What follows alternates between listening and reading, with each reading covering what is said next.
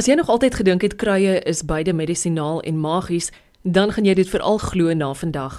Dink aan stories wat jy as kind gehoor het oor byvoorbeeld mirre en ander aromatiese plante.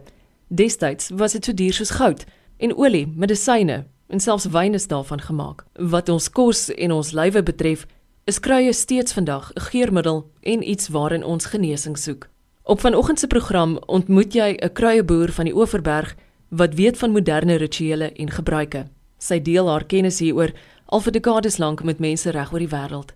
Ons dra dieselfde styl Wayfarer sonbrille, maar wat die geheimenisse van hierdie plante betref, het sy al veel meer as ek verken. Haar naam is Elmarie de Bruin. Dit hang af hoe geïnteresseerd hulle is. Normaalweg ontwyk ek die vrae 'n bietjie en ek sê vir hulle ek boer met kruie. As hulle dan geïnteresseerd lyk, sal ek uitbrei want dit is maar net waar dit begin. Die plaas se naam is goed gegeewe en dis tussen Hermanus en Calydon op die verlenging van die hemel en aarde vallei. So dis nie baie ver van die see af nie, maar daar's 'n berg tussen ons. Hoe lank is jy al daar? Ons is nog net 10 jaar daar. Weet jy, dit het in effek amper 30 jaar terug begin toe ons Kaap toe getrek het. Daar is 'n navorsingsplaas, Biendonné, wat tussen Parel, Franshoek, Stellenbosch is. En ons was betrokke geweest by die ou historiese werf. En daar het ons 'n baie groot kruietuin gevestig. En die kruie gogga wat my voorheen 'n bietjie gebyt het, het my toe goed gebyt. Dis ook waar my navorsing oor kruie en die implementering van kruie op 'n kommersiële basis regtig begin het. Want jy kan of 'n uh, lekker 'n kruietuin hê en groot plesier daaruit hê of jy kan kruie op 'n kommersiële skaal verbou, waarde toevoeg en dan 'n baie interessante besigheid boerdery tot stand bring. In beginsel gaan dit eintlik daaroor jy jou kruie wat aan spesifieke standaarde moet voldoen wat dan sekere prosesse deurgaan wat of gedroog kan word of hulle kan gedistilleer word met stoom of hulle kan gedistilleer word met water wat jy dan 'n produk kry wat in formulasies gebruik word reg oor die hele wêreld. Daai kruie het spesifieke komponente en daardie komponente het spesifieke eienskappe. So na gelang van daardie eienskappe sal jy nou jou toepassing maak. Nou een van die goed wat ek weet jy spesifiek in belang gestel het is byvoorbeeld aromaterapie.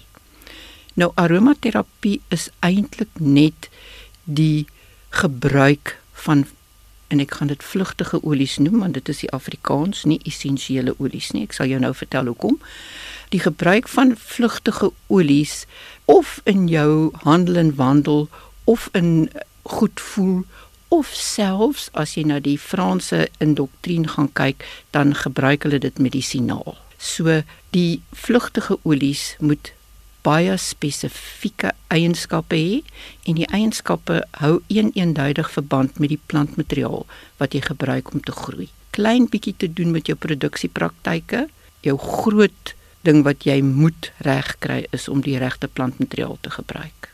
Dink vlugtig aan wat jy dink jy weet van vlugtige olies. Vlugtige olies is essensiële olies genoem hier vroeg in die 20ste eeu toe Gatfos wat in Frankryk was, sy hand verbrand het en dit toe in 'n beker met laventelolie gedruk het.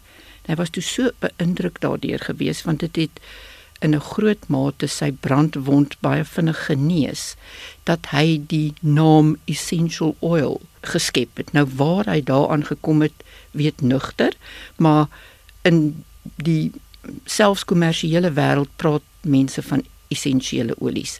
Terwyl as jy nou regtig waar op 'n besigheidsvlak is praat ons tog van volatile oils of vlugtige olies. En dit is wat dit is. Dit verdamp. Dit is hoekom dit vlugtig is. Dit verdamp dis omdat dit verdamp kan jy dit ruik omdat jy dit ruik het dit 'n sekere effek op jou maar dit beteken glad nie dat jy dit nie op ander maniere ook kan aanwend nie ek gaan vir jou 'n klassieke voorbeeld gee want meeste mense verstaan dit as jy byvoorbeeld na laventelolie kyk Meeste mense dink hulle weet wat is laventel. Hulle het eintlik nie regtig 'n goeie idee nie want ons gebruik gewone name vir laventel as dit in die tuin groei. Jy moet die regte botaniese variant van die Leventel gebruik want daardie variant gaan vir jou spesifieke konstituente gee wat spesifieke eienskappe het. Nou, Leventel dink mense groei jy omdat dit lekker ruik. Dit is waar, maar eintlik is die grootste kommersiële gebruik vir Leventelolie dat dit antisepties, antifungaal is en dan baie belangrik dit het die vermoë om swak reuke te absorbeer. So in die polymeerbedryf byvoorbeeld word dit in tonne maat gebruik om daai reuk van plastiek te verdoesel. amper weg te maak. Jy's nou nog te jonk, maar jare gelede as jy 'n nuwe motorkar gekoop het, dan is daai plastiek reuk amper die teken van 'n nuwe kar gewees. Dit gebeur glad nie meer vandag nie. Die polimere, die plastiek wat hulle gebruik om die sitplekke wat nou nie leer is nie oor te trek, ruik nie. En dit is laventelolie wat daarvoor gebruik word. Ek moet nou ook vir jou sê dat dit het begin met natuurlike laventelolie. Maar dit is nie onmoontlik om laventelolie in die laboratorium na te maak nie. So daar is baie plekke wat deesdae gefabriseerde laventelolie gebruik in plaas van die werklike natuurlike olie. As jy self 'n kruieboer is, dan is wat jy nou gaan hoor dalk die sleutel tot jou sukses. Um, soos met enige ding, as jy die suksesvolste gaan jy wees as jy iets verbou wat natuurlik in jou klimaat en in jou area goed groei. Gaan nou weer terug aan hulle ventel. Hulle ventel kan jy net een keer 'n jaar oes. As dit reën in daai tyd, gaan jy 'n swakker oes hê. As jy 'n swakker oes het, het jy 'n swakker oliepersentasie. Dit beteken ook dat jou bottom line, jou wins marge gaan nie wees soos wat jy dit uitgewerk het nie. Jy groei wat makliker in jou omgewing groei. So jy gaan nie byvoorbeeld iets wat in 'n tropiese klimaat soos lemongrass maklik goed kommersieel kan verbou byvoorbeeld in die Wes-Kaap nie. Jy sal dit eerder in 'n tropiese klimaat soos in KwaZulu-Natal gaan doen. Daar is 'n party van die kruie wat baie gemaklik in heelwat omstandighede wel kan groei en dit is so 'n soort van 'n balans tussen wat nodig is in die mark sodat jy dit kan verkoop en wat groei in jou area. So jy kan nie nou net gaan en dink jy wil krui X verbou, sommer enige ou krui, dit distilleer en dan dink daar gaan 'n mark daarvoor wees nie. Die mark van vlugtige olies werk 'n klein bietjie anders as wat 'n gewone mark werk. Dit is nie regtig vraaggedrewe nie. Jy kan as jy die regte vlug regte vlugtige olies het en jy weet wat die mark benodig, kan jy eintlik amper die mark dryf. Want mense gebruik dit in formulasies. Hulle wil nie daai formulasies verander nie. So jy moet op 'n baie konsekwente manier genoeg kan produseer teen dieselfde kwaliteit teen 'n kompeterende prys.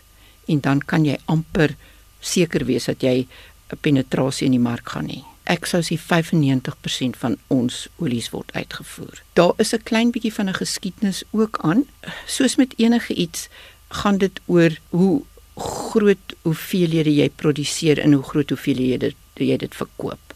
Nou as jy nie vlugtige olies in redelike groot hoeveelhede kommersieel kan verkoop nie, dan is jy besig om 'n verskriklike netwerk van bemarking te moet doen sodat jy jou produkte kan verkoop. Ek gaan nou vir jou 'n idee gee, want min mense besef eintlik wat die omvang is van die hoeveelheid plantmateriaal wat 'n mens benodig. Maar as jy 'n ton en ek is nou weer terug by Leventel want mense ken dit, 'n ton Leventelolie het, die oliepersentasie van laventelolie afhangende van watter kultivar jy mee werk is tussen 1,6 en 2,1%. So jy gaan 20 kg en ons praat van kilogram spesifiek met vlugtige olies nooit liter nie kry van 'n ton. 'n Ton is amper so groot as wat jou kamertjie hier is wat ons insit en dan het jy net 20 kg olie. Nou laventel gee baie olie. As jy nou gaan kyk na party van ons inheemse kruie, dan kry ons 0.1% olie. So jy kry bitter bitter min olie van jou plantmateriaal. So jy moet nogal groot hoeveelhede plantmateriaal produseer sodat jy jou vlugtige olie kan distilleer en dit dan verkoop. Want dit word gewoonlik as jy dit nou oor see uitvoer, dan gaan jy nou jou laer waarde olies wat Leventel een van is in 180 kg dromme doen en jou hoër waarde olies gewoonlik so in 20 kg dromme. Die kans is goed dat jy nooit weer dieselfde aan roosmaryn gaan dink nie. Deel van die vreugde is dat dit ruik. Nou reuk beteken nie altyd dat 'n boer gaan wins maak op die ou einde van die dag nie, maar as 'n persoonlike ervaring is dit vir my ongelooflik lekker dat iets ruik. Kom ons praat 'n klein bietjie van iets wat mense ook ken, sê net maar soos roosmaryn. Nou, roosmaryn is Rosmarinus officinalis, maar as jy nou met vlugtige olies of gedroogde kruie werk, dan moet jy ook gaan onderskei na watter chemotipe roosmaryn dit is. Chemotipe beteken doeteenvoudig dat die rasio van die komponente gaan verskillend wees jy kan sinema sê alle roosmaryn het X hoeveelheid komponente, maar nie noodwendig in dieselfde verhouding nie. So as dit nou byvoorbeeld baie verbinon het, dan noem ons dit roosmaryn verbinon chemotipe. En dit word getoets deur 'n GC-analise wat 'n mens jou olie een-eenduidig jou komponente mee kan bepaal. En dan jou plantmateriaal hou verband daarmee want jou plantmateriaal bepaal eintlik die profiel van jou olie wat jy gaan kry. Nou afhangende van watter olie dit is, sal jy dit nou in verskillende segmente van die mark aanwend. As jy nou gaan kyk na roosmaryn in die tuin, dis 'n fantastiese krui. Ek meen jy kan begin dink hoe lekker is dit om kos te maak daarmee. Kan jy roosmaryn stokkies vat en dit vir sosaltie stokkies gebruik. Jy kan die roosmaryn gebruik en jy kan rook daarmee en dan 'n lekker roosmaryn geur op jou kos kry. Jy kan roosmaryn water maak in jou hare en daarmee afspoel in 'n verskriklike lekker haarspoelmiddel maak. As jy roosmaryn droog, dan kan jy dit ook aanwend in jou kos en jy kan dit natuurlik ook 'n ekstrakt daarvan maak. Wat ek dink toe ek laas met jou gepraat het, was jy effens aan borste gewees en toe het ek vir jou gesê dat ek gebruik elke oggend van my lewe roosmaryn tee. Baie eenvoudig, jy vat die ekwivalente hoeveelhede en dis nou nie baie tegnies nie want dit is nie die perfekte manier om ekstrakt te maak nie, maar die kombuis is mos geduldig. Jy sou nou jou pot vol vars roosmaryn maak en dan warm water daarop sit. Dit laat warm word tot dit voordat dit 60 grade bereik. Nou, as mense nie weet nie, dis wanneer jou vinger nog daar kan inkry sonder dat dit jou verskriklik brand. Dan verwyder jy die roosmaryn takkies en daai ekstrak van roosmaryn is baie ryk in twee baie baie baie sterk antioksidante wat uh, rosmarinic acid en carnostic acid is en dit het die fantastiese vermoë om halfdeurlaatbare membrane te deurdring. So dit kan in effek ingeneem word en dit kan al die plekkies in jou lyf bereik wat baie baie ander antioksidante nie by kan bykom nie. Dis hoekom baie van daardie antioksidante word kommersieel in formulasies wat ons nou nie almal ken nie gebruik vir medisyne wat hulle nou sal aanwend om Alzheimer te verbeter byvoorbeeld of om jou geheue te verbeter. Maar vir my persoonlik, by roosmaryn tee, ek drink dit en dit help om jou immuunstelsel te boost want dit is tog mos maar wat antioksidante doen. En ek moet eerlikwaar vir jou sê, ek kan nie onthou wanneer laas was ek siek nie. En as 'n mens se immuunstelsel reg en goed is, dan help dit. Dis nie baie lekker nie. So ek kroek so klein bietjie en ek sit so klein bietjie suurlemoensap daarbey en ek sit dit in die yskas want dan proe ek dit nie so erg nie. So so 'n kop koppietjie vol daarvan. Wondere, hulle sê ook dit help jou geheue. Ek kan nou nie daarvoor pa staan nie, maar definitief vir die siek word. Roosmaryn is ongelooflik fantasties. Kruieboer van die Oeverberg en passievolle vervaardiger van vlugtige olies Elmarie de Bruin gaan lees gerus meer oor haar en luister weer na hierdie en ander programme deur dit af te laai op www.rsg.co.za. Ek sien daarna uit om binnekort nog interessante stories soos die een met jou te deel. Baie dankie vir die saamkuier. 'n Mooi naweek vir jou verder. Groete Tot volgende keer.